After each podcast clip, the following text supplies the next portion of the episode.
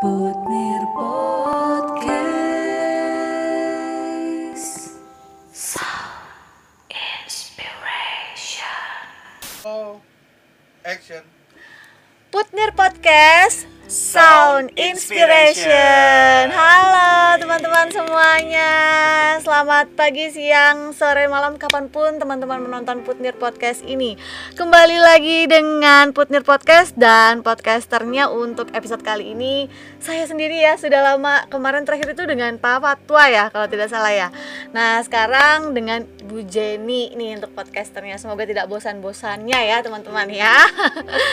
Oke untuk Putnir Podcast hari ini kita kedatangan tamu istimewa loh dari episode sebelumnya nih kita juga kedatangan tamu yang tidak kalah istimewa hari ini juga tidak kalah istimewanya ya ada Kak Jonathan halo Kak Halo. Jonathan Siapa apa nih? Ibu, Miss, Kakak? Eh, ibu boleh nggak apa-apa iya halo Kak Jonathan sehat Halo, sehat, luar biasa. Wah, puji Tuhan. Nih, eh, kalau misalnya teman-teman sepertinya sudah tidak asing ya dengan Kak Jonathan, mungkin beberapa ada yang sudah mengenal. Terutama kemarin Kak Jonathan sempat datang di acara graduation kita ya. Jadi eh, pasti ada beberapa anak-anak yang sudah mengenal Kak Jonathan. Bahkan mungkin ada alumninya nih yang alumni SMA Putra Nirmala nih yang sedang menonton Putnir Podcast. Nah, mungkin Kak Jonathan boleh memperkenalkan diri dulu pada teman-teman? Eh, sebutannya apa, sobat? Eh, ya nggak apa-apa, teman-teman saja. Teman-teman. Iya, betul. Halo, sob- eh, teman-teman dari Putnir Podcast. Eh, seneng banget nih untuk kesempatan kali ini dapat undangan spesial ya. Tapi nggak pakai telur. Pakainya kornet ya? Jadi lapar. Eh, semoga kabarnya sehat selalu dan bisa eh, ngikutin podcast kali ini dengan lancar. Iya, pasti bertanya-tanya nih teman-teman nih Kak Jonathan. Siapa sih Kak Jonathan Siapa sih? ini? Kenal iya, betul. Siapa sih? Suaranya renyah banget Oh. ya. Suaranya tuh halus banget ini nggak kayak Bu Jenny yang suaranya gede banget. Pasti Pak Rifa di belakang aduh, aduh di suaranya Bu Jen kebanting, gede banget dah. Kebanting. berarti ya kamarnya gitu ya. Iya, eh, jadi Kak Jonathan ini adalah seorang influencer ya, bisa kita sebut sebagai influencer. Iya dong, karena banyak sekali. Lebih tepat. Iya. Itu karena ini, bisa eh, apa namanya bisa menginspirasi gitu ya menginspirasi teman-teman terutama di dunia media sosial. Betul Jonathan? Hmm, betulnya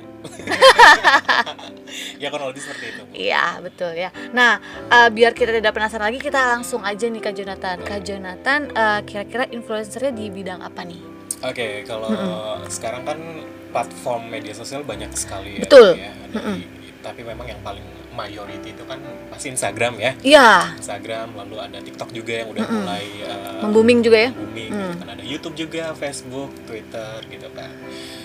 Memang platform yang saya jalanin sekarang lebih ke satu Instagram. Hmm, Instagram oke. Dan kalau ditanya bidangnya apa memang saya lebih backgroundnya ke lifestyle Ah, gaya hidup oke. gitu kan. Tapi gaya hidup ini mencakup ke semuanya bu bisa ke foodies makanan gitu kan. Kadang saya juga review uh, produk makanan. Lalu juga ada beauty skincare gitu kan Wow. yang bisa dipakai buat uh, cowok ataupun cewek betul, gitu betul, kan. betul. lalu ada uh, teknologi yang promoin aplikasi atau promo-promo apa gitu Yes. kan. Dan ya itu saya mencangkup itu semua dari lifestyle. Kan memang ada beberapa influencer yang hanya fokus ke uh, satu bidang. Misalnya kayak ke beauty skincare skincare. Aja. Jadi isi, betul. isi kontennya skincare. Dan itu rata-rata uh, beberapa klien pun misalnya kayak segmentasinya ke makanan uh, itu nggak akan uh, bisa gitu karena segmentasinya beda. Tapi kalau Betul, misalnya untuk yang bidang yang saya pegang sekarang gitu ya lifestyle itu bisa ke semua aspek gitu bu. Jadi banyak Hmm. mau ke uh, promoin tentang gaya hidup yang sifatnya dipakai sehari-hari gitu kan. Kayak Yes. makanan juga saya bisa masuk. Skincare juga bisa beauty gitu kan. Lalu juga untuk teknologi dan lain sebagainya. Dan itu memang tidak semua uh, influencer bisa Wow, iya sih, jelas-jelas karena memang uh, ketika kita uh, mau mengambil satu keputusan untuk fokus di satu titik lebih mudah dibandingkan dengan kita mau ngambil beberapa bidang nih ya. Dan effortnya juga pasti lebih uh, butuh yang lebih banyak bidang seperti itu kan. Nah, uh, dan jarang sekali ya sepertinya uh, seorang influencer yang mencangkup bisa banyak bidang gitu kan. Iya rata-rata ya tadi skincare skincare aja atau makanan makanan aja seperti itu. Nah karena tadi Kak Jonathan mengatakan bahwa dia fokusnya itu di Instagram ya, betul ya media sosialnya. Boleh dong Instagramnya apa? Nanti tenang aja, editornya handal nanti ada di sini. Oh, ada di sini. Iya betul, sih. iya gitu. Boleh nanti IG-nya Kak Jonathan ya Pak Fatwa. Ini, uh, by the way Pak Fatwa lagi nggak ada, jadi nanti ini pekerjaannya Pak Fatwa ya. Pak Fatwa nanti di sini ya IG-nya Kak Jonathan ya. Yes. juga bisa follow ya. Oh, siap. Nanti saya follow. Siap. Nanti uh, biar teman-teman juga tahu nih kira-kira uh, bagaimana sih tips-tips tentang uh, lifestyle yang dibuat oleh Kak Jonathan karena ya itu tadi kan enak ya kalau misalnya kita udah searching uh, sumber misalnya kayak gitu kan berarti kan ini kalau misalnya kayak gini Kak Jonathan itu adalah sebagai sumber informasi ya untuk teman-teman semuanya. Uh, satu sumber tapi udah ada banyak informasi nih yang kita dapat nggak harus cari ke sini, ke sana, ke sini, ke sana gitu ya. Jadi lebih simple dan lebih memudahkan yang jelas gitu ya. Nah, eh, berarti kan ah followersnya ada berapa nih Kak Jonathan nih? followersnya nanti dicek dulu. Eh, terakhir sih udah di atas 80 ribuan Wah. Udah ya, jadi ya sudah memang terbukti ya guys ya kalau seorang influencer karena memang followers Instagramnya udah sampai 80 k nih berarti memang eh, terbukti sungguh ya kalau seorang influencer lifestyle gitu. Nah karena followersnya ada banyak nih Kak Jonathan ya ada 80 k lebih itu ada suka dukanya nggak sih? suka duka Ya sebagai apa namanya sebagai influencer gitu kan berarti eh, Instagram Kak Jonathan nih banyak nih yang mantau kan pasti Banyak gitu kan. gitu ya. Eh, Yang itu DM gimana aja juga banyak sih. Mm-mm. ada yang eh, followers yang memang eh, apa namanya sering banget nge DM-in jadi kalau misalnya kayak gerak-geriknya kita aja. Tapi ya aku sih selalu menganggap kalau apa-apa itu berarti eh, dia bener-bener real fansnya aku gitu. Iya, tapi betul. jangan sampai yang komen-komen yang segala macam. Kalau misalnya udah aku juga udah komitmen kalau ada yang eh, berkomentar kasar apa segala macam ya nggak aku ladenin. Mm, ah, blacklist aja. Nah, kalau misalnya suka duka selama mungkin saya menggeluti di bidang ini ya Bu ya. Eh, kalau sukanya sih udah jelas mungkin seperti beberapa uh, Vijani ataupun teman-teman kalau misalnya di media sosial kan pasti hubungannya oh iya enak ya dapat eh, produk gratis bahkan dapat eh, fee-nya juga bayarannya juga betul, gitu. Betul, dan betul. itu saya tidak menampik itu memang eh, benar benefit adanya. ya. Tapi eh, di sisi lain dukanya itu tuh eh, yang mungkin sebagian orang juga nggak nggak melihat ya bu ya. Karena yang pertama kalau misalnya saya ngerasain eh, di saat saya udah eh, deal sama klien dan misalnya ada yang kliennya pengennya eh, serba kayak tahu bulat dadakan. Hmm. deadline saat itu harus dikerjain saat itu langsung naik juga Wow. posting saat itu. Saya Mm-mm. pernah nemuin kayak gitu. Tapi kembali lagi di saat eh, saya ngerasa oh iya saya harus profesional nih gitu kan. Jadi eh, ya dijalaninya juga by enjoy. Dan maksudnya tuh kadang misalnya orang taunya misalnya oh di, di Instagram itu foto yang terbaik yang atau misalnya kayak eh, postingan video yang saya posting di Instagram saya itu udah yang benar-benar the best gitu. Padahal di belakangnya di behind the scene-nya mungkin galeri foto itu udah penuh banget. Dari semua misalnya kayak teks 1 2 3 sampai 50 foto pernah gitu ya. Kan nanti yang dia di foto eh, yang diposting paling cuma dua. Video pun potongan-potongan kalau saya masih kurang lagi di tag ulang lagi. Ya itu eh, dukanya seperti itu bu. Jadi banyak beberapa kalau misalnya eh, memandang kayak oh enak ya. Padahal di belakangnya tuh kita harus punya effort yang enggak enggak sedikit. Bahkan di banyak kadang kalau untuk saya pribadi ya eh, musuh terbesar saya adalah eh, ngontrol mood sih bu. Ah, iya itu yang iya, paling betul, kadang betul, ya betul. jujur saya juga ibanya dan semua orang juga pasti sama ya di saat ibanya di saat mood kita lagi nggak bagus mau ngerjain apa pun pasti akan ngerasa gimana tapi saya ngerasa ini tuntutan profesional gitu. Jadi karena ibanya gimana pun klien nggak akan mau tahu lu lagi Iya, eh, betul. kamu lagi bad mood atau gimana atau sakit gimana tapi semaksimal mungkin kamu bisa ngerjain sesuai dengan deadline dan ya puji Tuhan sih sampai sekarang eh, masih banyak juga eh, klien yang ngasih review positif dari setiap kerjasamanya kita gitu. Dan itu buat aku eh, lebih-lebih eh, reward yang nggak ternilai gitu. Karena kepercayaan itu kan dari sebuah klien dan puji Tuhannya ada yang misalnya udah eh, selesai kontrak habis nanti lanjut. Seperti itu sih suka iya, dan iya. dukanya saya selama menjalani influencer Ya sih memang eh, bahkan saya, saya sendiri ya nggak hanya orang-orang saya sendiri kadang wah enak ya kalau ngeliat influencer gitu endorse apa gitu-gitu kan. Bikin video eh, cuma gitu ya cuma eh, 30 detik atau satu menit tapi dapat uang eh, tapi dapat uang gitu kan. Eh ternyata behind the scene-nya ya butuh butuh proses yang enggak sedikit ya dan itu butuh take a time yang sangat sangat sangat banyak, banyak. ya terutama kalau misalnya mood nih moodnya Nah, gitu ya paling utama, meng- Betul, betul, betul, betul. Jadi Moodnya. meskipun orang kadang ya eh, gimana pun kan kita bukan robot ya bu ya. Jadi ada kalanya mau meskipun selalu kita dituntut untuk eh, perfect di media sosial kita masing-masing, tapi memang di belakang itu ya ya kita sama seperti yang lainnya gitu. Yes, Asal betul. yang penting kita eh, punya pendirian. Ya saya sendiri karena memang basicnya eh, sudah merasakan dunia kerja seperti apa jadi pada saat untuk kalian kayak ini pun sama aja kan Eh, untuk berhubungan langsung sama orang dalam bisnis ini kita harus punya komitmen ya udah kalau misalnya apalagi eh, di saat klien mempercayakan ke kita ya jangan kita sia-siakan Yes, betul. Jadi memang uh, dari segala kenikmatan yang mau kita nikmati ke depannya itu ya tergantung dengan effort kita ya, Betul. tergantung proses yang kita jalani gitu. Semakin keras, semakin serius ya nantinya juga pasti akan mendapatkan hasil yang paling memuaskan gitu ya. Nah, kalau tadi ini udah diceritain suka dukanya Kak Jonathan sebagai seorang influencer ya yang followers Instagramnya 80k. Nanti aku juga follow Kak, tenang aja. Wah, jadi jadi penasaran nih ya. nah, kalau misalnya ini pengalaman unik atau menarik nih selama Kak Jonathan sebagai seorang influencer itu ada nggak? Mungkin ketika dapat endorse atau apa pun itu deh pengalamannya. Oke, jadi eh, saya pertama kali main Instagram itu dari pas lagi awal banget ya Bu ya. Start dari 2013-an lah. Di saat orang-orang pas lagi awal bumi eh, munculnya Instagram kan itu waktu itu kan masih eh, pro-nya kan ke Twitter. Yes. Itu Facebook itu yang paling utama kan ya. Instagram. Bener-bener Friendster ya dulu-dulu banget sih Iya. itu Friendster gitu kan. Friendster aku gak mainan sih. Eh, saya sempet mainan itu Friendster waktu saya SMA. Udah- Udah menunjukkan usianya. ya. Iya, iya. Oke, lebih jadi eh, berprosesnya itu jadi eh, ya makanya kadang kalau misalnya gini aku juga ngasih eh, buat teman-teman penir ya.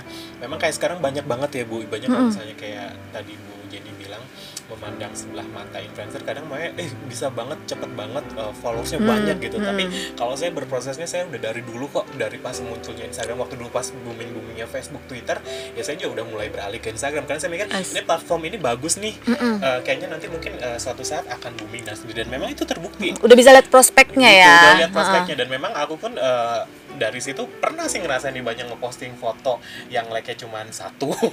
Bahkan komen juga jarang Betul. gitu kan. Tapi akhirnya eh, saya mencoba untuk mencari oh iya eh, ternyata eh, background seperti influencer kayak artis segala macam penyanyi segala macam biar eh, pengikutnya nggak bosen atau segala macam eh, harus ngikutin kayak gini nih caranya. Mungkin kita harus eh, foto-foto yang dengan kualitas yang bagus gitu kan dengan caption-caption yang bagus.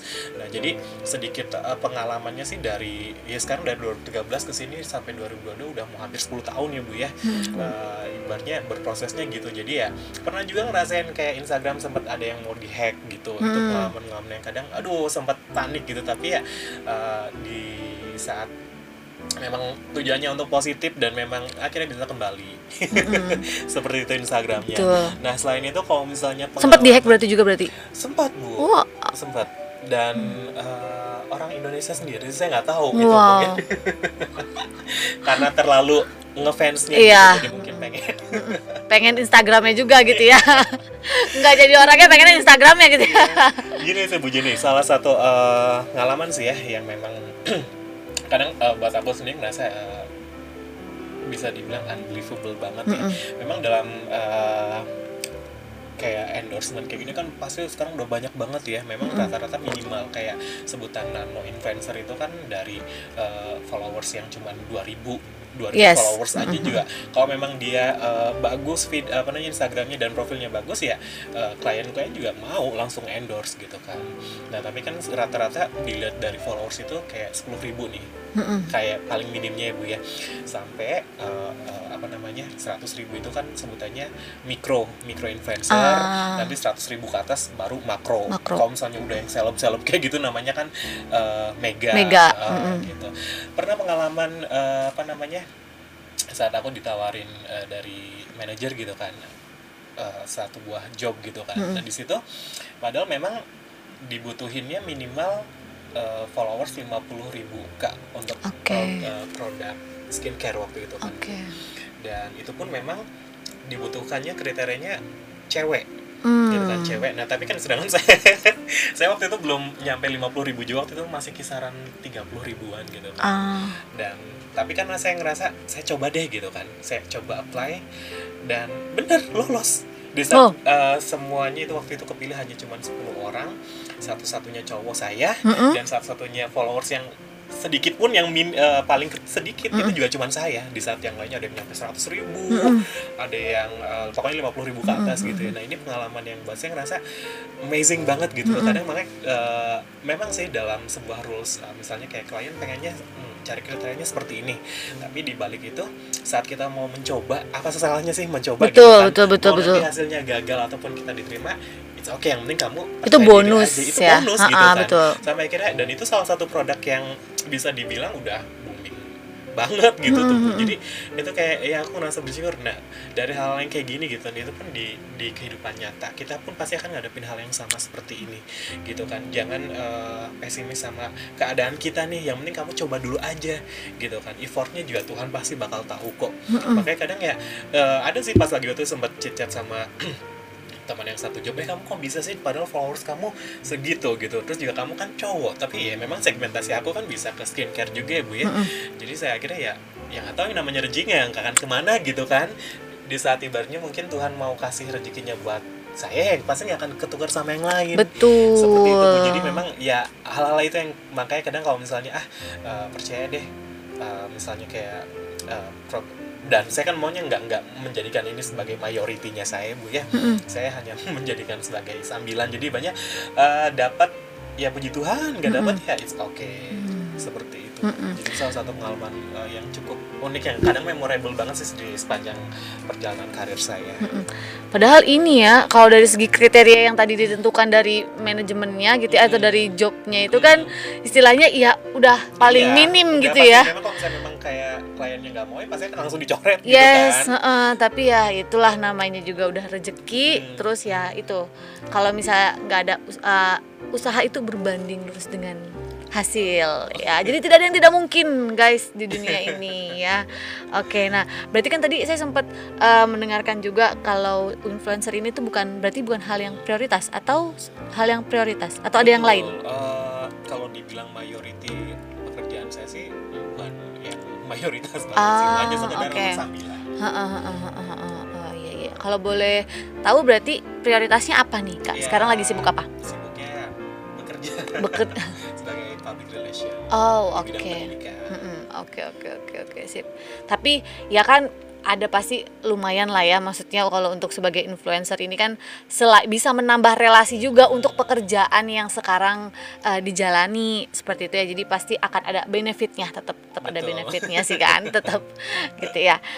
Oke. Nah selanjutnya nih eh, kak Jonathan ada tips nggak nih untuk menjadi influencer yang bertanggung jawab? Karena tidak mudah ya untuk menjadi seorang influencer. Apa pun lah eh, pekerjaan kita job kita gitu pasti eh, kita harus bertanggung jawab dengan apa yang udah kita ambil atau yang kita putuskan ada nggak nih tipsnya terkhusus influencer? Karena eh, teman-teman dari SMA Putra Nirmala nih kalau saya ngikutin IG anak-anak nih ya Kak Jonathan. Yes, betul. Banyak banget yang berpotensi dan ada yang berpotensi sebagai influencer, ada juga yang memang sedang eh, menjadi seorang wirausaha juga yang Trainer, menggunakan ya. yes, menggun- eh, menggunakan media sos- sosial sebagai media penjualannya atau media promosinya. Nah, ada nggak nih tipsnya, Kak Jonathan? Oke, ya seperti yang kalau misalnya dengan case-nya saya kan ini kan saya menjadikan eh, bidang ini tuh hanya sebagai sambilan ya Bu ya. Yes. Uh, dan saya juga sebenarnya untuk ke beberapa uh, teman-teman gitu kan ya kayak misalnya kayak sekarang ini sebenarnya untuk uh, bidang ini bagus banget untuk menambah uh, apa namanya pengalaman gitu yang paling Hmm. penting terus yang kedua ya bisa nambah-nambah uh, uang jajan juga ya Yes, secara betul. memang secara nanti step by stepnya gitu Mm-mm. kan tapi ya uh, mimpi besar untuk misalnya oh ya saya pengen bisa dapat kayak influencer yang dapat banyak brand-brand ternama gitu kan saya nggak langsung juga kan pasti akan dari segi uh, lain dan sebagainya Ya. kan pasti akan benefitnya kan uh, berbeda juga ya, Berbeda. Bu. tapi memang kembali lagi semuanya harus didasari dari komitmen kalian sendiri bu. Hmm. gitu. Yang pertama kalau misalnya saya bisa kasih tips sih uh, memang kadang kalau misalnya anak-anak milenial zaman sekarang ya selalu kan mulai ibu kayak postingan-postingan yang sifatnya eh, absurd gitu ya. Posting apa yang penting estetik kayak gitu kan ya. Padahal ya dulu juga saya misalnya eh, di awal-awal itu saya ngerasa eh yang penting eh, medsos medsos saya gitu kan ya. Mau posting apa aja ya ya terserah saya dong. Iya. tapi sekarang coba ubah mindset yang misalnya kalau misalnya pengen dijadikan Instagram atau medsos kalian itu bisa menjadi panutan minimalnya untuk followers kalian sendiri ya kalian coba rubah. Cari misalnya memang kalian sukanya ke bidang apa nih? Misalnya kok oh sukanya uh, sering make upin ini. Ya udah isi semua konten-kontennya dengan uh, konten skincare beauty. Saya sukanya uh, sama uh, makanan nih gitu kan. Sering mukbang segala macam sama temen Yes. kongkow di cafe mana segala macam. ya isi dengan uh, konten-konten yang sifatnya ke foodies gitu. Ya kalau misalnya mau dicoba-coba uh, random ya asal jangan gado-gado aja gitu ya bu ya. Maunya tapi ya sepinter-pinternya kita. Jadi mempercantik uh, medsos kita karena buat saya pribadi ya medsos tuh cerminan diri kita juga apa Betul. yang kita posting misalnya kayak tentang vibe vibes negatif ya nanti uh, tercermin dengan sendirinya dan Betul. followers kita juga ngerasa oh ini kayaknya orang ngeposting ini kok kayak gini banget tapi kalau misalnya kita nge uh, posting media sosial dengan hal-hal yang positif gitu kan vibe vibe positif followers kita juga nanti dengan sendirinya oh iya ya ngikutin uh, orang ini kayaknya enak nih asik aja foto-fotonya juga bagus. Nah kan berawal dari situ bu. Yes. nah dari situ nanti bisa mungkin step lainnya misalnya kayak eh, yang saya tahu banyak banget ya misalnya kayak klien-klien misalnya kayak dari Cirebon nih misalnya pusatnya di Jakarta tapi lagi dari Cirebon dan lagi butuh eh, campaign ataupun promosi yang sifatnya eh, untuk daerah Cirebon aja. Iya. mereka sering misalnya searching-searching gitu oh ini kayaknya eh, influencer ini bagus nih. Biasanya nanti dia bisa nge-email langsung atau nge DM langsung. Uh, nah itu dari jalan-jalan kayak gitu bu. Jadi banyak dari awal uh, memprioritaskan uh, bagusin dulu media sosialnya kalian. Jangan punya berpikir lagi ah yang penting uh, media sosialnya saya nih mau saya posting A B C foto apa segala macam terus saya nah itu yang hal yang kayak gitu jadi berubah untuk dewasa dan uh, memberikan apa ya kayak caption yang sifatnya uh, orang lain bisa ada interaksinya gitu kan. Tuh. Tuh, seperti itu sih bu. Jadi memang kalau misalnya ini ya itu ya komitmen dan konsisten. Komitmen dan konsisten Iya, jadi kalau misalnya teman-temannya kayak yang suka nyanyi-nyanyi gitu ya, cover bisa kan, lagu. kan kayak cover-cover yes, gitu kan. betul. Tinggal nanti tag apa, tag apa, tag apa gitu kan untuk membantu lah istilahnya menciptakan peluang sendiri Siapa gitu kan. saya di kepoin sama Mas Anang kan langsung ah aku sih yes Oh iya, gitu kan. iya betul. Mau masuk manajemen saya kan gitu bisa. Pokoknya yang suka otomotif atau yang suka Hmm. anime gitu kan bisa diisi dengan hal-hal yang positif yang jelas ya. Yang penting positif dan sesuai dengan apa ya eh, sesuai dengan passionnya. Betul. passion passion diri ya. Karena kalau nggak sesuai passion hanya sekedar aku mau ikutin itu ah aku mau ikutin itu itu tentunya bakal susah ya mungkin ya. Tapi ketika eh, mengisi sesuai media sosialnya dengan hal positif dan sesuai dengan passion dan eh, konsisten juga nah itu pasti juga lama kelamaan pasti bisa kok. Yang penting jalani dan nikmati prosesnya ya. Karena nggak ada sesuatu yang instan. Masak mie instan aja harus rebus air dulu ya kak Jonathan ya. Ya jadi itulah ya teman-teman ya. Segala sesuatunya. Maybe sampai berapa tahun ke depan semuanya serba. Kan masak mie instan berarti langsung iya benar gitu ya benar benar benar benar. Bisa jadi ya. Nah itu tadi dia tips dari kak Jonathan untuk menjadi seorang influencer yang bertanggung jawab yang jelas ya. Kemudian nih kak terakhir pertanyaan terakhir wah nggak kerasa ya. Di pertanyaan terakhir. ya. udah satu jam udah berjam-jam pertanyaan terakhir nih kak Jonathan. Eh, ada nggak nih pesan eh, dan quotes ya untuk teman-teman eh, yang menonton Putri Podcast ini yang ingin menjadi seorang influencer? Oke pesannya apa ya Eh, mungkin ada tambahan cerita lagi ya Iya betul silakan masih panjang kan Gak apa-apa, durasinya? gak apa-apa, gak apa-apa. Sampai Tenang aja, tenang, tenang aja, tenang aja, tenang. Apa sih yang enggak gitu kan? gini eh jadi seorang eh, apa namanya medsos sekarang mau eh, selalu dianggap ya oh dunia tipu-tipu nih. Memang kadang apa yang di kita lihat di medsos kan tidak sesuai dengan realita. Kadang beberapa yang kadang seperti itu ya. Cuman eh kembali lagi ya kita harus punya mental juga yang kuat. Selain dibaca kayak tadi yang udah sempat dibahas ya sama Bu Jenny ya tentang eh, komitmen konsisten dan profesional. Tapi yang paling utama ya terjun untuk di dunia ini ya kita harus punya mental yang kuat. Yes. bisa aja kalau misalnya kita posting ah eh, jangan kan followers yang kita nggak tahu orangnya di mana gitu ya. Teman atau kerabat kita sendiri aja kan bisa aja langsung ih apa sih? gitu kan ya. Oh masa kayak gitu aja dapat endorsan pasti kan Hmm. menghadapi hal yang seperti itu. Nah Betul betul. eh, yang paling penting ya itu. Dan saya pun memang sampai saat ini pun ya bu ya eh, selalu ada merasa seperti itu. Ya itu salah satu insekuritasnya saya gitu. Meskipun Mm-mm. orang tuh oh kak Jonathan kayaknya tapi nggak di belakang dari itu eh, perjalanannya banyak banget gitu. Ya banyak hal juga sih yang kadang saya ngerasa eh, apa namanya dari rekan-rekan sendiri gitu ya bahkan teman sendiri yang kayaknya tuh nggak terlalu suka sama uh, bidang yang saya geluti gitu. Contohnya apa ya? Misalnya meskipun kita dia follow-followan di Instagram gitu ya boro-boro mau nge-like boro-boro mau nge-komen gitu kan ya. Kalau misalnya bikin story aja start oh muncul paling atas gitu kan. Tapi untuk sekedar interaksi minimalnya ya itulah bu. Kan gimana pun uh, pasti ya gini kalau misalnya di medsos like komen itu ya pasti kita butuhin kan bukan seolah-olah oh karena memang tetap aja ngelihat dari kredibilitasnya seorang influencer misalnya follow full puluhan ribu followers tapi kalau misalnya sekali posting yang like-nya kok sedikit banget yang Hmm. komennya kok sedikit banget nah itu kan perlu tanda tanya Hmm, kan oh, berarti- diperhitungkan ya kalau Ah, gitu ya. Nah, jadi eh, yang saya alami sendiri pun memang kadang masih banyak yang seperti itu. Jadi makanya buat teman-teman yang memang mau eh, terjun untuk di dunia influencer sendiri ini, ya itu mentalnya harus kuat, Bu. Kadang Yes. teman-teman yang terdekat kita sendiri pun ya belum tentu mereka eh, seneng dan bahagia dengan apa Betul, yang kita betul, raih. betul, Bisa betul, aja betul. di cover depannya, oh iya iya keren, nggak tahu di belakangnya sih gimana Hmm, gitu kan. Dan memang itu realita yang saya terima Alami ya. juga, saya Hmm. alami bu. Jadi tapi itu yang akhirnya membuat saya "Eh, nggak apa-apa deh. Eh, toh berarti intinya dia kayak gitu dia masih ada perhatian sama saya. Betul. Dia lebih lebih dari fans gitu kan.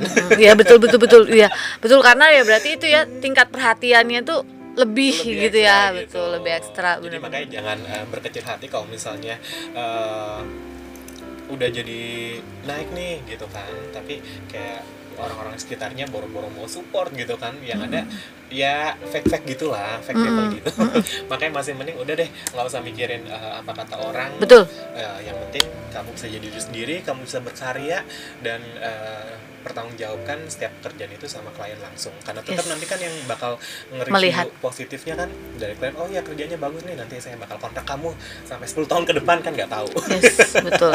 Karena yang membuktikan itu uh, pada nanti itu adalah hasil dari kerjanya kita sendiri ya, effort dari uh, kerja kita sendiri gitu. Jadi gitu ya. Ada lagi kerja Jonathan? Eh, paling tambahan quotes sih. Iya. Wah. Eh, Bu ya kalau quotes. Nanti uh, editor ya, nanti quotes-nya mohon bisa ditulis nanti di sini. Tenang aja Pak. Eh Kak, salah kan jadi. Tenang aja Kak, nanti pasti akan Iya, ditulis. dan quotes ini saya kalau misalnya Bu jadi nanti lihat Instagram saya selalu saya pasang di profilnya saya. Di Ah. profilnya saya nggak ada tuh yang namanya uh, open endorse atau Oh, misalnya iya, iya. yang mau endorse DM gitu Mm-mm. nggak ada. Tapi saya isi quotesnya saya Oke, pribadi di, gitu. di di bio-nya di bio Di ya. bionya Oke, oke. gitu kan sama asalnya saya dari Cirebon Mm-mm. gitu. Jadi uh, ini juga yang mendasari saya bisa uh, sampai sekarang ini gitu ya Bu ya. Uh, buat teman-teman pokoknya harus tetap uh, bersyukur dengan apa pun yang didapat. Karena uh, menurut saya akan selalu ada berlian di balik rasa syukur ya jadi uh, bersyukur dalam segala hal bisa dibilang ya itu di saat masa-masa sulit kita di saat saya nggak mood nge- ngerjain uh, project endorsement segala macam tapi saat saya diingatkan lagi saya bersyukur karena memang nggak semua influencer dapat uh, merek-merek bagus nih klien-klien bagus nih. Masa kamu dengan kayak gini aja nggak mau ngerjain? Masa kamu dengan uh, dapat omongan hate dari orang-orang terdekat kamu aja kamu langsung down gitu kan? Coba kamu bersyukur lagi. Dari situ ya itu saya langsung oh iya ya. Jadi uh, akan selalu ada berlian akan selalu ada banyak uh, mutiara dan lain sebagainya saat kita merasa bersyukur. Itu yang selalu saya tanemin. Makanya saya puji Tuhan bisa uh, berjalannya waktu tahun ke tahun ya uh, masih bisa dipercaya oleh beberapa klien untuk bisa mempromosikan brand mereka. Gitu sih. Wow, jadi akan ada banyak berlian mutiara ya ketika kita bisa selalu bersyukur. betul. Emang kuncinya itu harus bersyukur guys, apa pun yang kita dapat. Karena tidak semua orang bisa seperti kita apa yang kita dapatkan ya Kak Jonathan ya. Wow, kita berikan aplaus dulu untuk Kak Jonathan dan untuk Ibu dong. dan untuk Pak Ripa yang sudah setia tag di belakang. Thank you, udah tag videonya. Dan uh, tidak terasa Kak Jonathan, ini kita sudah ada di penghujung Putmir Podcast episode hari ini, episode kesekian ya. Nanti ada episodenya, eh, hashtagnya Ibu lupa ini episode keberapa ya. ya terima kasih ya Kak Jonathan, terima Sama-sama. kasih banyak uh, atas kedatangannya, sangat menginspirasi sekali. Saya juga uh, sangat terinspirasi sekali nih Kak, karena uh, jujur karena saya juga baru pengguna Instagram. Ya jadi memang uh, masih ya masih kalau dikatakan Newbie, ilmunya newbie ya. iyalah masih cetek lah gitu ya. Jadi ternyata di balik seorang influencer terutama yang bidangnya di Instagram itu ternyata banyak proses dan suka dukanya ya. Oke. Saya juga nih buat eh, teman-teman eh, buat Bu Jenny, Tarika Ya. dan lainnya di Putnir Podcast.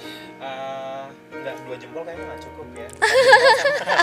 di kaki saya luar biasa banget. Terima kasih udah mengundang saya waktu dan kesempatannya maju terus untuk Putnir Podcast. Oke, wah kita yang ucapkan terima kasih kak sudah mau datang di Putnir Podcast sehingga banyak menginspirasi teman-teman nih, terutama teman-teman SMA Putra Nirmala. Semoga eh, pot- Putnir Podcast hari ini eh, bisa teman-teman ambil ya nilai-nilai positifnya dan pastinya semuanya nilai positif ya untuk episode kali ini ya, sehingga nantinya bisa membantu teman-teman dalam menggapai cita-cita masing teman-teman semuanya. Oke, terima kasih ya Kak Jonathan atas Sama-sama. kehadirannya. Semoga nanti kita bertemu lagi di lain kesempatan.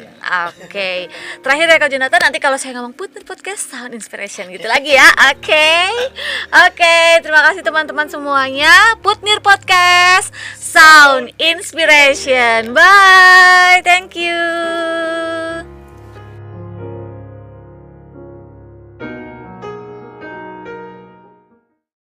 Podcast